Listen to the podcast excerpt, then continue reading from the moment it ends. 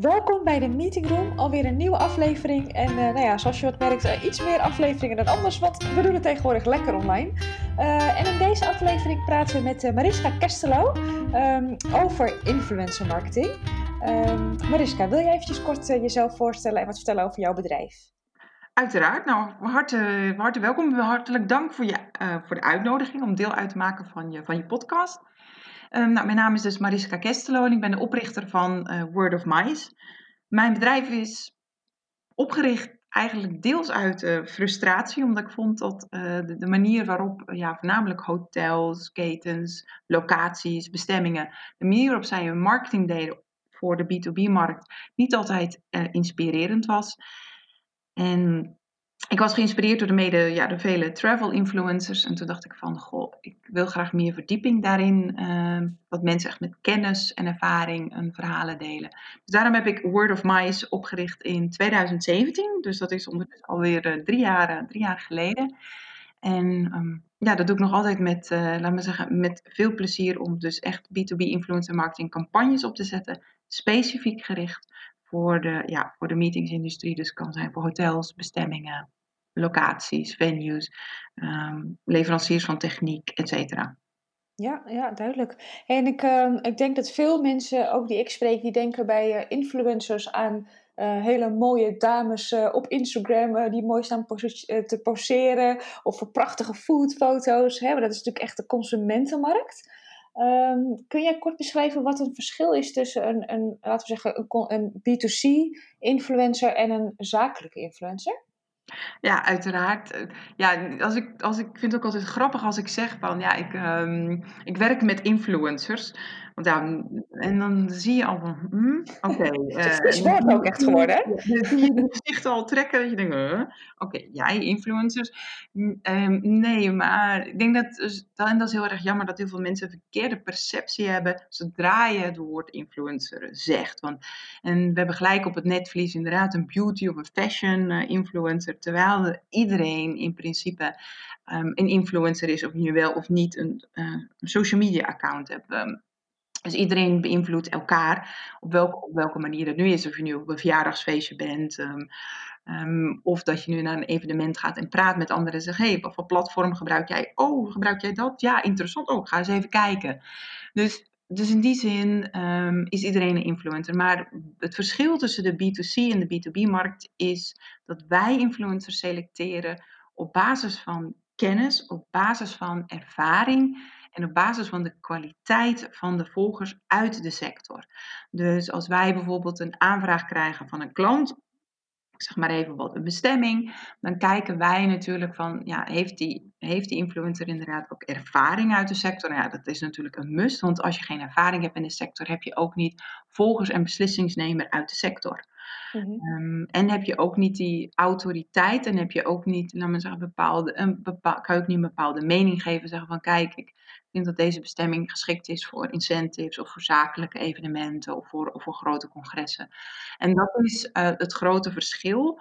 Um, en dat maakt ook dat B2B influencer marketing um, ja, een andere benadering heeft. Wij, wij doen een veel betere, laten we zeggen, ik zou niet zeggen beter, maar wij doen een andere screening op basis van andere voorwaarden dan in de B2C-markt, waar veel meer gekeken wordt naar het aantal volgers. Want daar willen ze gewoon zoveel mogelijk consumenten bereiken. Terwijl mm. wij veel meer gericht zijn op wie we willen bereiken. En dat het, uh, laat maar zeggen, de uh, kwantiteit uh, meer wordt gekeken dan naar, uh, sorry, naar de kwaliteit wordt gekeken dan naar de kwantiteit. Ja, precies. Ja. Hey, en ik, uh, uh, ik noem mezelf niet altijd zo, maar ik ben eigenlijk ook influencer. Eh, jij bent uh, wel iemand die daar wel ook echt wel invloed op over heeft gehad. Over dat ik ook wat meer mag uitdragen. De, de eerste in de eventbranche in Nederland. Ja, best wel cool. Um, en, en wat ik tof was, dat ik dankzij jou ook mee kon naar IBTM in Barcelona.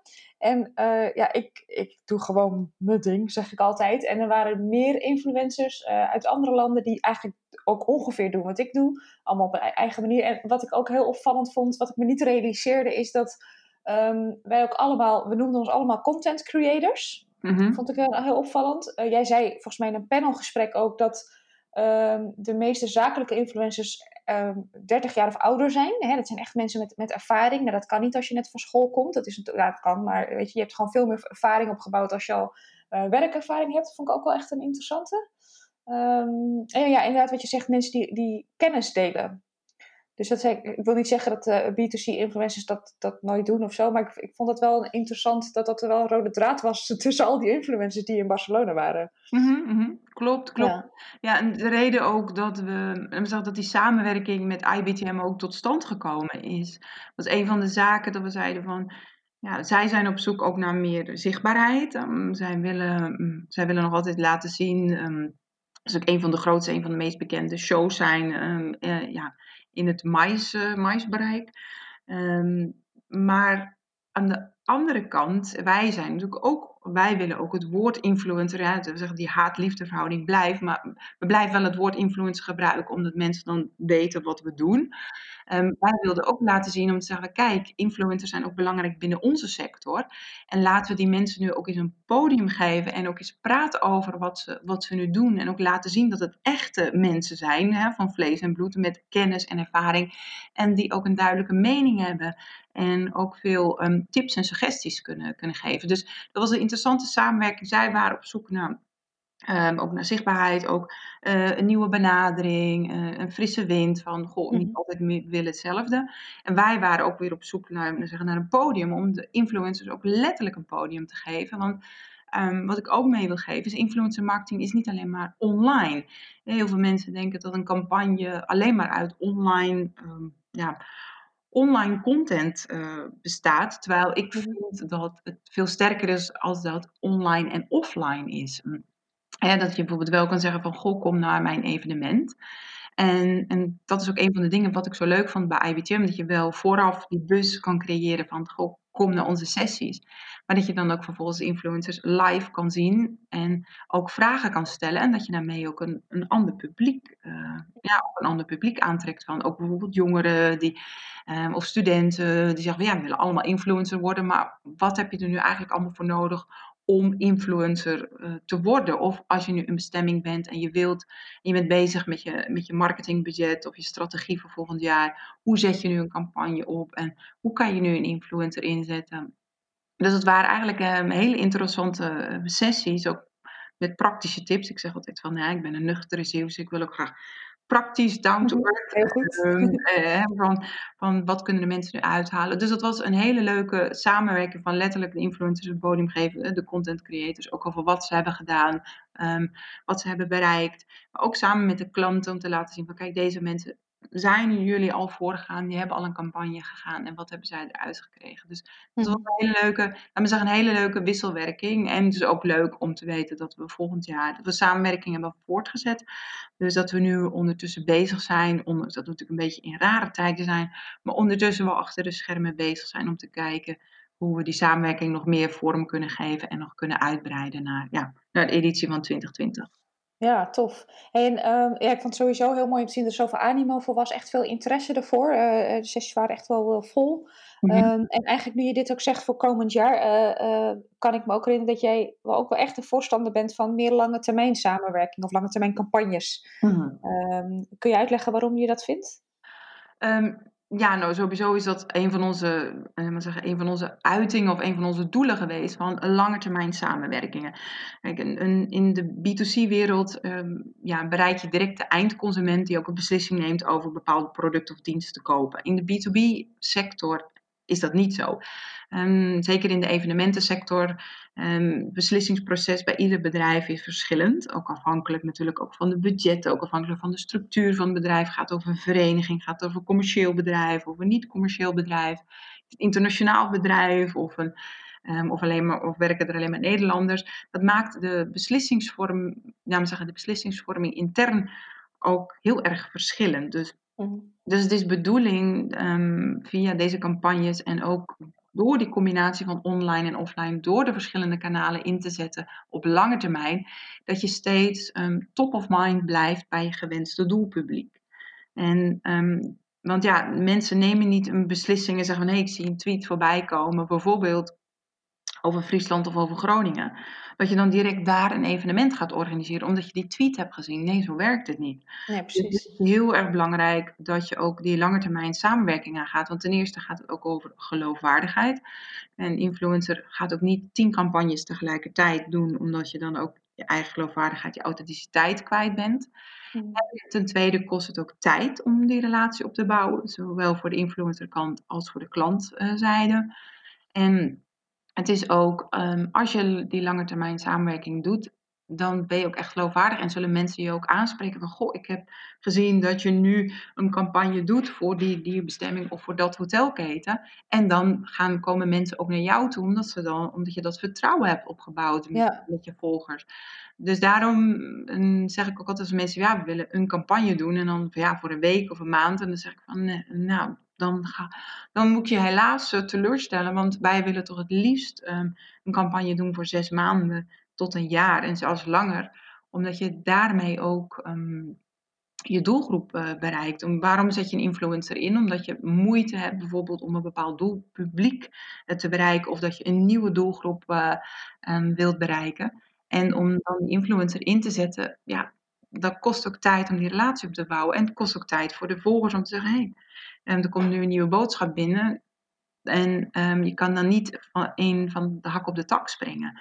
Daar beschadig je ook je volgers en je netwerk mee. Dus, dus, uh, de B2B-influencers maken ook een veel bewustere keuze met welke merken of welke klanten ze samenwerken. Omdat ze ook hun netwerk um, natuurlijk niet willen um, beschadigen of hun reputatie die ze hebben op hebben gebouwd. Dus daarom vind ik die langetermijn samenwerking zeer belangrijk.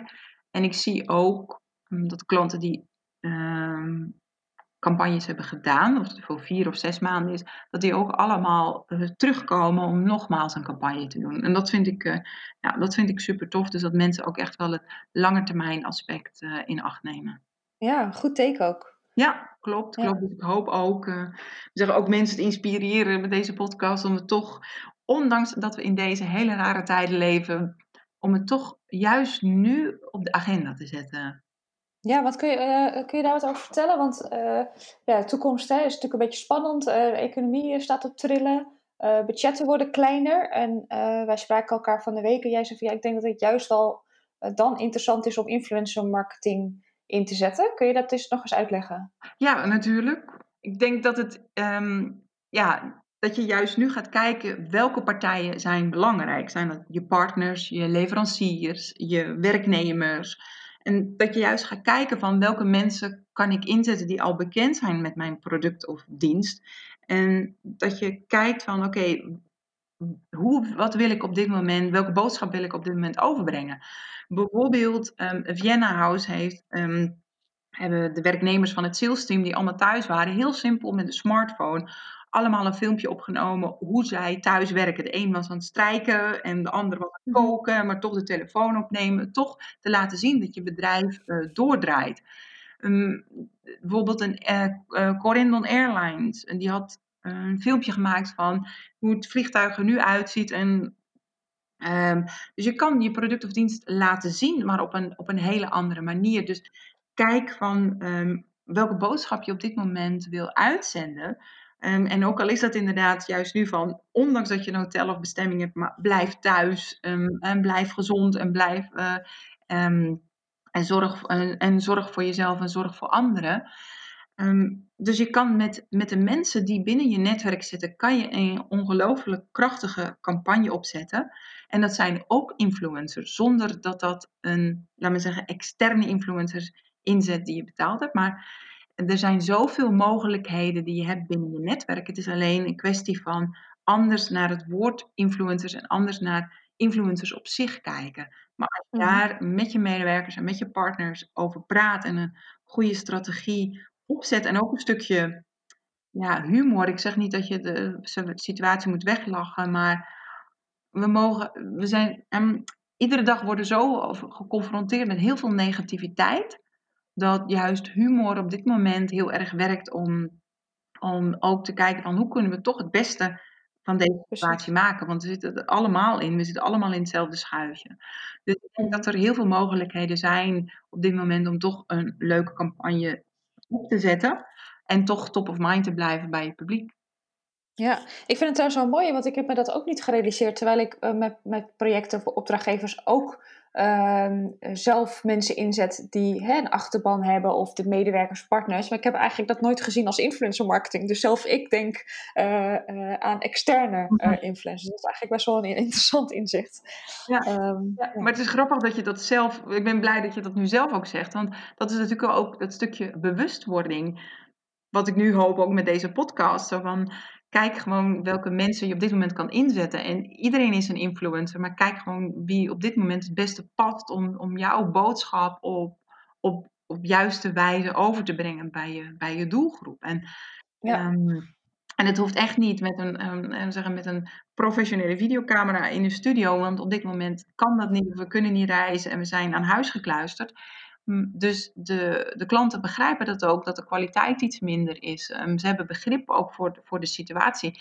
Maar blijf vooral communiceren. Dat is echt de boodschap die ik wil meegeven. Want ik zie heel veel mensen die gewoon opeens stoppen met de communicatie. En dat vind ik echt het meest zeggen, het meest foute wat je kan doen. Ik vergelijk het wel eens een beetje met een, met een huwelijk. Je, je gaat trouwen, je zegt van ja, ik blijf je trouwen in goede en in slechte tijden.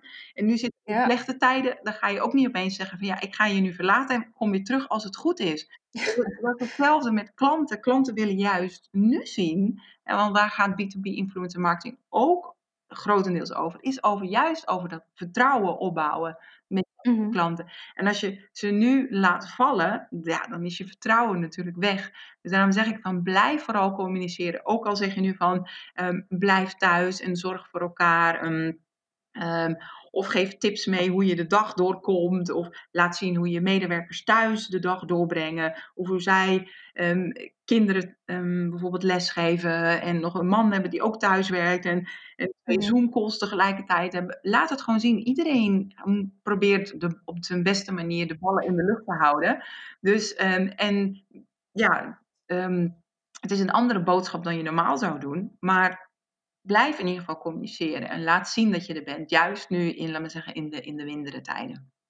Ja, precies. Ik zit ook te denken, dat heb ik wel eens in het verleden uh, ook wel eens getipt in een blog, denk ik, dat je uh, ook sprekers heel goed kan inzetten rondom events. En ik zit te denken, nu je dit zo uitlegt, dat je dit eigenlijk, hè, dus uh, tuurlijk kunnen we gewoon laten zien hoe we met de situatie omgaan, maar als jij uh, uh, een programma had staan met sprekers rondom een bepaald topic, dan zou je alsnog die kennis kunnen delen. Evenement is natuurlijk een vorm. Mm -hmm.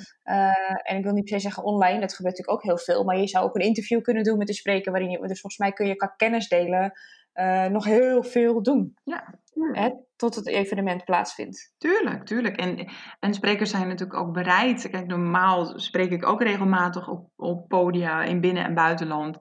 En ik zou, het, um, ik zou het juist ontzettend leuk vinden als mensen ook vragen van, goh, zou je dan je, je presentatie of je talk bijvoorbeeld nu online willen geven? Ja, met, met veel plezier. Ja, het is natuurlijk op een andere manier. Maar het mhm. voordeel is wel dat je het kan, kan opnemen en dat mensen dan bijvoorbeeld op een later tijdstip dat het voor hun past, um, dan eventueel terug kunnen luisteren. En zoals wij nu doen, mensen kunnen straks ook de podcast luisteren wanneer, wanneer, ja, wanneer het hun uitkomt. Dus ik denk wel dat er uh, ongelooflijk veel mogelijkheden zijn. En er is in onze sector ongelooflijk uh, veel kennis. En zeker in deze tijden waarin uh, wij Nederlanders, um, want ik ook in veel landen heb gewoond en gewerkt. En ik vind dat typisch van Nederlanders, die saamhorigheid, die ondernemerschap, maar ook die creativiteit die er nu is. Uh, gebruik het. Um, mensen staan voor elkaar, klaar en gebruik deze momenten om ook je netwerk in te schakelen en elkaar te ondersteunen en te helpen waar het kan. Want mensen zijn echt bereid om ook ja, dingen voor niks te doen en gratis te doen. En ik zeg niet dat je dat moet uitbuiten, maar ja, het is nu eenmaal zo. Er zijn op dit moment geen budgetten. Um, maar ik vind wel dat we, ja, dat je daardoor ook, het is ook een goede reden om uit te reiken naar je partners en je klanten um, en je sprekers. En te zeggen van, eh, ook te laten zien dat je ze aan ze denkt. En te zeggen van, goh, zullen we iets samen doen? En um, kunnen we elkaar ondersteunen? Kunnen we elkaar helpen? Want um, je creëert ook weer een stukje zichtbaarheid en uh, awareness en visibiliteit. Dus ja, ik denk alleen maar ja. voor elkaar te helpen, word je alleen maar sterker en, en komen we er hopelijk ook beter uit deze crisis. Ja, mooi gezegd. En heb jij nog veel, uh, veel van de volgers zijn eventplanners in, in allerlei vormen en allerlei soorten events. Um, hoe zouden, wat want je had net voorbeelden van hotels en, en, en locaties. Uh, hoe zou je een influencer kunnen inzetten als je een jaarlijks congres organiseert? Mm, dat is een goede vraag. Um, ja, het is natuurlijk. Ik zou sowieso kijken naar de mensen um, die het dichtst bij de organisatie staan. Dus de werknemers, de partners, de sponsors. Zeker als je op dit moment bijvoorbeeld een congres of evenement hebt moeten uitstellen of eventueel hebt moeten annuleren. Ik zou kijken van wie hebben er vorig jaar um, waar hebben een grote rol gespeeld en welke zouden nu ook weer een grote rol spelen. Ook bijvoorbeeld sprekers die al bevestigd waren, maar ook partners en sponsors. En ik zou ook gewoon op individuele wijze naar die partijen uitreiken en zeggen: wat kunnen, wat kunnen we ook samen doen? Wat kunnen we op dit moment doen om ons congres um, bijvoorbeeld weer onder de aandacht te brengen? Um, ondanks dat we op dit moment niet kunnen reizen, als het congres bijvoorbeeld um, in januari is in uh, eh, 2021. Maar wat kunnen we nu toch doen om de mensen alvast warm te maken en als congres uh, te komen? Kan je bijvoorbeeld nu ook vragen om de sprekers bijvoorbeeld um, al een stukje een videootje op te laten nemen of bijvoorbeeld al een deel van een presentatie um, te geven. Dat je in ieder geval wel de, die communicatie, laat ik zo maar zeggen, die communicatie vooral doorzet. Ook al is het inderdaad nu op een, op een andere manier. En kijk ook daar binnen je organisatie, wat zijn, de belangrijke, wat zijn belangrijke partijen? en natuurlijk ook op ja, ook financieel vlak natuurlijk. Hè. Wie zijn de sponsors, wie zijn de partners? Um, maar ja, ik zou gewoon iedere partij individueel um, ja, aanschrijven of even bellen en zeggen van ja, hoe, wat kunnen we op dit moment doen en wat zou ook gepast zijn natuurlijk uh, bij de doelgroep. Ja.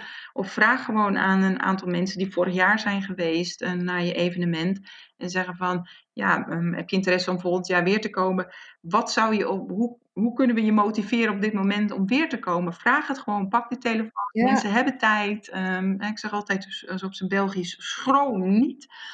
Uh, vraag het gewoon.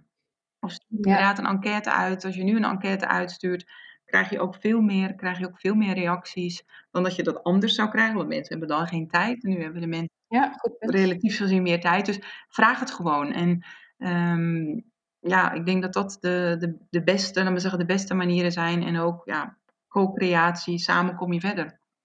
Ja, ja, mooi. Hey, en um, ik zit wel een beetje te denken van uh, iedereen, uh, nou niet iedereen, veel, veel bedrijven, veel mensen gaan nu meer content maken. Dat is op zich heel goed, maar het moet natuurlijk ook wel van een bepaalde kwaliteit zijn. En juist nu, want er is nu natuurlijk uh, ja, veel meer, dus meer concurrentie. wat is volgens jou de voorwaarde van een van goede content, van een goede post bijvoorbeeld? Mm, ja, dus um, ja, een goede post. Nou, wat ik ten eerste wil zeggen is dat natuurlijk nu heel veel mensen tijd hebben en opeens um, een, een, post of een update gaan schrijven. En mm -hmm. ik hoop, eh, wat ik, wat ik heel erg belangrijk vind, is persoonlijk ook consistentie. Dat mm -hmm. niet alleen nu doet, omdat je er tijd voor hebt en straks weer en straks weer verwatert. Uh, sommige mensen posten nu ook veel vaker op social media of op andere kanalen. Dan denk ik van ja, als je straks druk bent, ga je, blijf je dat dan aanhouden.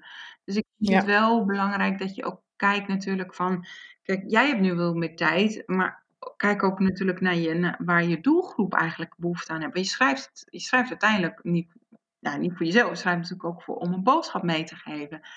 Dus mhm. ik vind het ook wel heel erg belangrijk um, dat, je, dat je blogpost ook aangepast is natuurlijk naar, naar de doelgroep. En dat je niet opeens nu iedere dag een blogpost schrijft en, en volgende maand niks. Um, ja, precies. Dus dat daarin wel, um, dat je ook wel goed kijkt van, oké, okay, wanneer is mijn doelgroep online, wanneer wordt het gelezen, wat zijn de onderwerpen die, um, die goed liggen. En, en wat ik soms ook wel eens zie, ik moet zeggen, ik betrap mezelf ook wel eens op, soms ook spelfouten erin zijn. Lees je blog, laat het bijvoorbeeld ook nog eens door iemand anders herlezen. Mm-hmm. Om inderdaad de, de spelfouten eruit te halen, want dat ziet er ook, zeggen, ook zo, on, uh, zeggen, zo onprofessioneel uit. En ik denk ook dat nu in deze tijd ook heel erg belangrijk is om te kijken, ja, welke content is belangrijk. We schrijven nu heel veel ook over, um, um, um, zeggen, over digital events en, en over, over technologie. Maar ik denk juist ook dat als deze crisis over is, dat er ook heel veel behoefte is om gewoon elkaar te ontmoeten en elkaar weer even vast te pakken en elkaar weer een knuffel Mhm. te geven. Dus dat je ook niet een overkill hebt aan bepaalde, aan bepaalde onderwerpen. Want ik zie nu ook mensen die voorheen nooit iets, niet over technologie schrijven en nu opeens mee willen liften. Ja. De hype. Dus ik denk eh, weer die consistentie, ehm, eh, consistentie, consequent zijn. Ehm, niet alleen met je doelgroep, maar ook met jezelf. Van waar ben je Mhm. goed in, waar sta je voor, ook al ben je niet zo goed in technologie. Maar vraag dan bijvoorbeeld een gastblogger of iemand anders om die content eh, te schrijven. Schrijf dan ook gewoon, eh, het is geschreven door bijvoorbeeld um, een Samira of door, of door iemand anders uit de sector. Dus ik vind wel ehm, dat we niet opeens volledig over andere onderwerpen moeten schrijven dan voorheen, omdat we nu in een andere Ja. situatie zitten. Herken ik ook wel, ja. Want ik had dat... Iedereen schreef over online events. En ik heb een paar jaar geleden wel eens gedacht van... Zal ik daar iets mee doen? Maar dat past niet zo bij me. Uh, maar ik vond wel dat ik daar iets mee moest doen. Iets over kennis delen. Want ik schrijf natuurlijk over... Uh, hoe je evenement kan verbeteren. En ik heb toen inderdaad aan uh, mensen gevraagd... die hier veel meer ervaring mee hebben... om één tip te delen. Dus ik had zeven tips uiteindelijk. Die is best wel goed opgepakt. En ik heb, er, ja, ik heb het alleen maar hoeven te coördineren en bedenken. En dan zorgen, zorgen dat het gedaan wordt. En eigenlijk was het helemaal niet zo heel veel het was eigenlijk heel makkelijk om te doen. Het kost wel eventjes tijd, want je moet iedereen achteraan zitten en je moet het allemaal opmaken. Maar het is in principe geen rocket science. Nee, nee. Ja. inderdaad. Maar vraag ook, gewoon, vraag ook gewoon hulp aan, inderdaad, aan anderen. Als je toch zegt van, goh, ik vind het toch een belangrijk onderwerp. Of er komen veel vragen over. Um, schrijf het er dan over, maar uh, doe dat bijvoorbeeld in samenwerking met iemand anders die er, die er wel heel veel ervaring mee heeft. Mm-hmm. En ik heb ook nog wel een vraagje. Daar hadden we het in het begin over. Je zei van, ja, weet je, um, als we het hebben over zakelijke influencers, um, uh, hè, dan, dan, kijken ze, uh, die hebben vaak minder volgers. Je kijkt dan met meer naar kwalitatieve volgers. ik merk dat ook heel erg met bedrijven die ik spreek. Die, die, die zeggen, ja, nou, nu begint het wel te lopen, maar in het begin als jij hebt te weinig volgers, terwijl uh, ik weet dat ik de juiste um, uh, volgers heb. Mm-hmm. Zijn er nog in dat opzicht tips die je wil meegeven aan bedrijven die met influencers willen werken, een externe influencer dus, uh, waar ze op moeten letten? Hè? Dus het gaat inderdaad om, hebben zij de juiste achterban? Um, waar zouden ze nog meer? Want ik, hoe, hoe, hoe komen ze nou bij de juiste persoon terecht? Mm-hmm. Oh, je bedoelt hoe bedrijven bij de juiste influ- met de juiste influencer Ja. samenwerken. Um, nou, eigenlijk is, het, eigenlijk is het heel simpel. Als een bedrijf een goede, een goede strategie heeft en, en we zeggen, een goed, goed marketingplan en zeggen van kijk, dit is de doelgroep die we willen bereiken.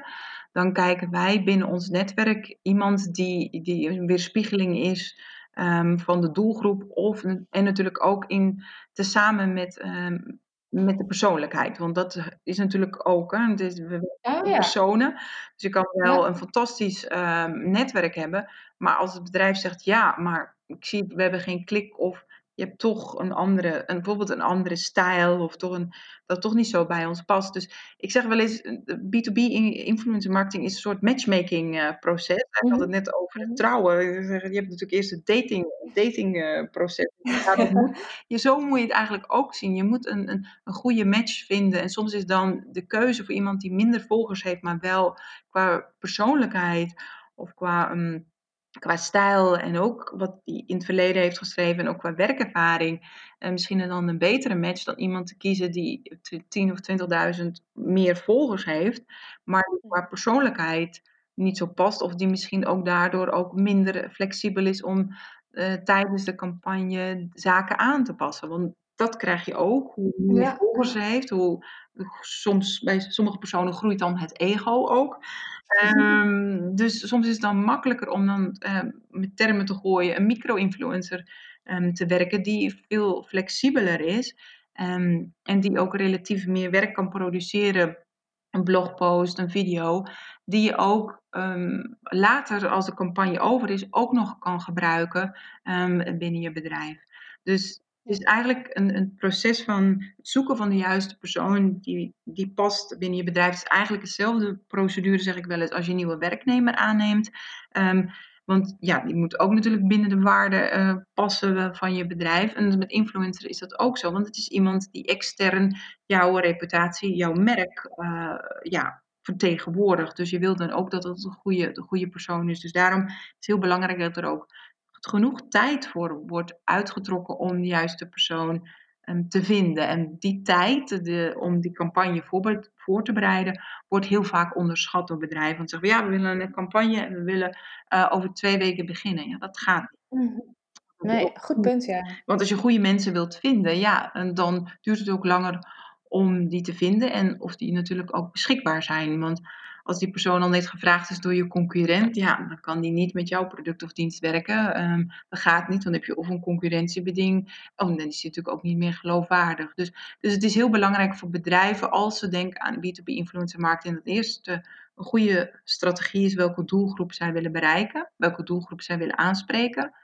En, en dat ze ook daar de tijd voor nemen om het voorbeeld te bereiden. Stel je voor dat ze zeggen van ja, we willen pas in kwartaal 4 een campagne opstarten. En dit is de nieuwe doelgroep die we aanspreken. Ja, start daar nu mee. Nu heeft op dit moment weinig influencers hebben werk.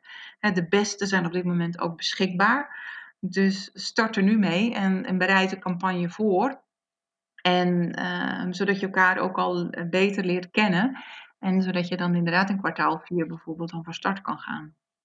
Ja, goede tips. Ja. ja, en nog heel eventjes voor de mensen die het niet weten, uh, micro-influencer, wat is dat? Ja, er zijn verschillende, ja, er zijn verschillende omschrijvingen. De meeste mensen zeggen uh, minder dan 25, 25.000 volgers. Um, ik vind een micro-influencer, ik ben niet zo, we zeggen, ik ben minder van de getallen persoonlijk, maar ik vind het iemand die een, um, ja, een eigen netwerk heeft opgebouwd, uh, sowieso geen volgers heeft gekocht.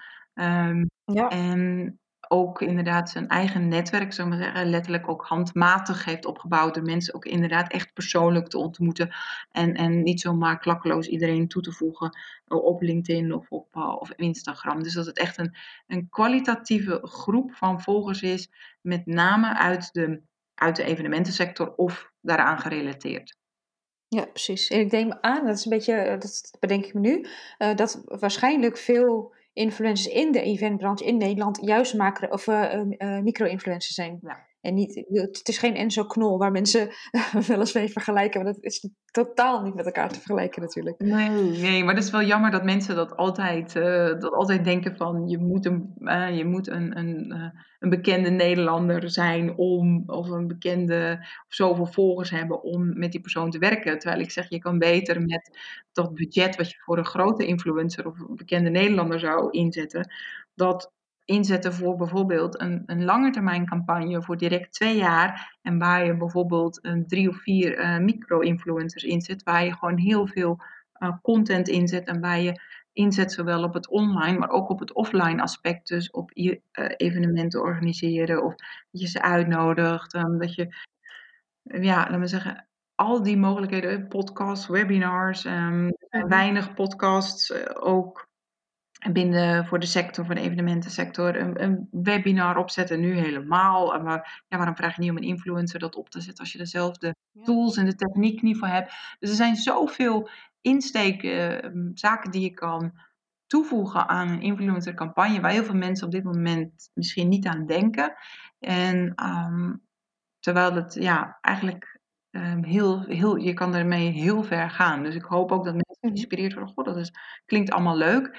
En, en dat is ook het leuke omdat je met influencers werkt eh, die, die ook input geven aan de campagne. Dus nog even, um, hoe, nog even um, misschien interessant als wij dus een influencer vragen voor een campagne, dan vragen wij ook altijd de input voorafgaande aan de campagne. Dus we gaan niet zeggen van je moet dit en je moet dat doen. Nee, wij vragen juist de input. Um, ja, op strategisch vlak van de influencer. En het, heel vaak is het zo dat dat ook bijna letterlijk wordt geïmplementeerd door de klant. Dus daardoor heb je ook de maximale medewerker, medewerking van de influencer, omdat die ook echt meedenkt met je product en dienst en kijkt wat het beste bij, bij je past. Ja. En dat herken ik ook wel met mijn uh, samenwerkingen, omdat ik, ja, ik ben al vijf jaar met mijn uh, achterban uh, bezig en content aan te maken. Uh, dus ik weet wat goed wordt opgepakt en wat niet. Over het algemeen. Het is niet altijd te voorspellen. Maar dus ik doe dat inderdaad ook wel eens. Ik denk, nou, volgens mij is dit wel wat ze nu wel weten intussen. ik zou meer en meer die insteek kiezen. En dat werkt meestal inderdaad best wel goed. En daar zijn klanten vaak ook heel erg juist blij mee, omdat ze dat zelf dan niet hebben verzonnen. Ja, dat klopt. Maar ik vind het ook leuk dat je, ik vind het ook leuk dat, je dat nu zegt, omdat um, heel veel mensen uh, influencers niet zien als mensen met kennis. Als mensen die um, ervaring hebben. We gaan wel naar een advocaat of naar een dokter voor advies, maar we gaan niet naar een influencer voor advies.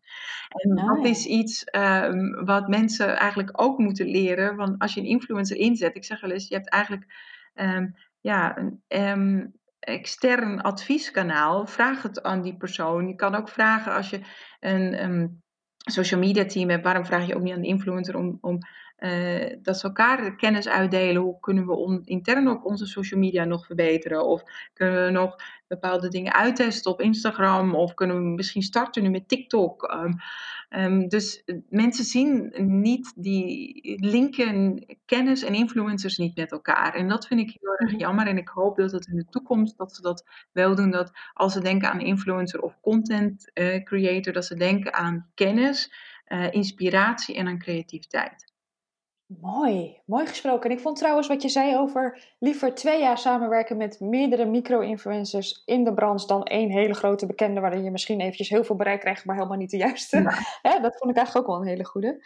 En uh, wat ik ook nog wil toevoegen was dat ik, wat ik besefte dat je in het begin vertelde over het offline uh, influencer. Um, dat, dat landde niet, ook niet direct bij mij, maar wat ik mijn besef is dat bedrijven waar ik mee samenwerk, uh, zeker als het gaat om een locatie of een evenement of inderdaad een langere termijn samenwerking, dat ik eigenlijk ongemerkt ambassadeur word. Want uh, jij zei ook al, ik, ik, ik werk ook alleen maar samen met bedrijven waar, waar ik een, een, klik mee heb en waar ik uh, ook echt enthousiast ben over ze, want ik kan uh, geen toneel spelen. Nee. dus ik kan alleen maar oprecht enthousiast zijn. Maar je wordt vanzelf ambassadeur, want en mensen gaan ook soms naar me toe van, hé, hey, je was daar en daar, wat vind je ervan? Weet je wel, dus het, het gaat vanzelf. Ja. Het is gewoon een mooie bonus voor bedrijven. Ja, ja, en dat is ook iets wat je ook alleen maar, zoals je zegt, ook alleen maar op kan bouwen om als je ook die lange termijn relatie aangaat en als je ook, uh, laten we zeggen, beide de neuzen de, dezelfde, dezelfde kant op gaat. En, en nu komen mensen ook naar jou van, goh, dat is interessant of dat is leuk wat je gedaan hebt. En, en, en die reacties die je krijgt, bijvoorbeeld als je elkaar dan ziet of um,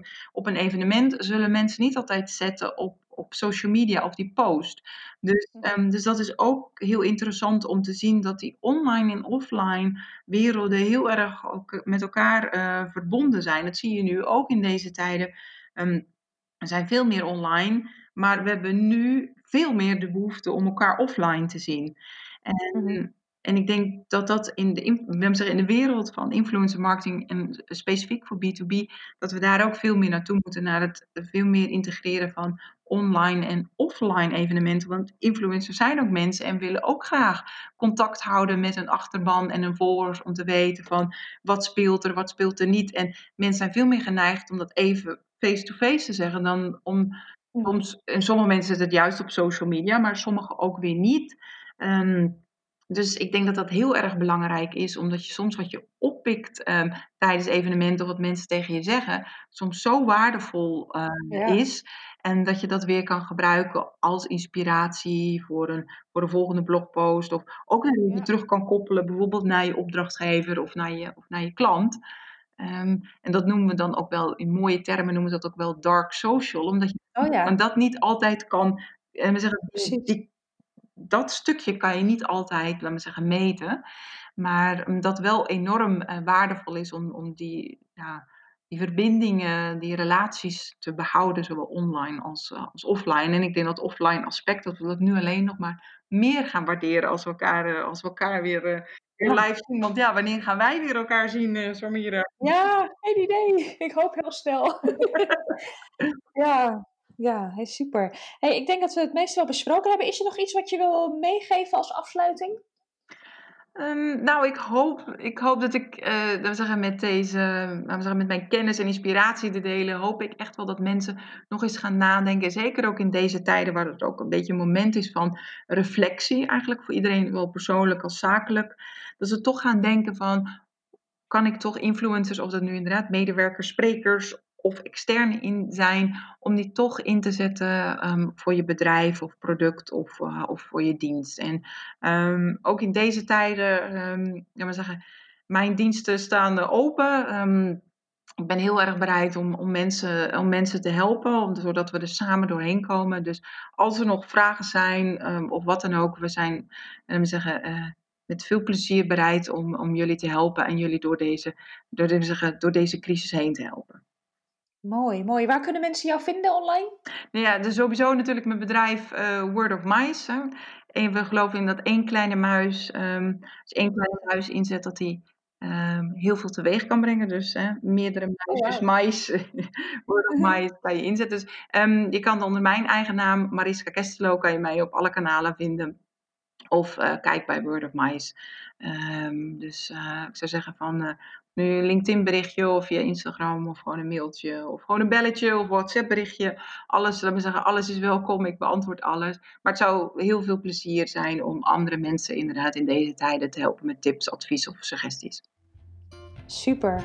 Ontzettend, ontzettend bedankt voor het fijne gesprek en de goede tips. En ik hoop inderdaad dat mensen geïnspireerd zijn en hier stappen in gaan zetten. Um, nou, ik zou zeggen, uh, luisteraars, bedankt voor het luisteren en uh, tot de volgende keer.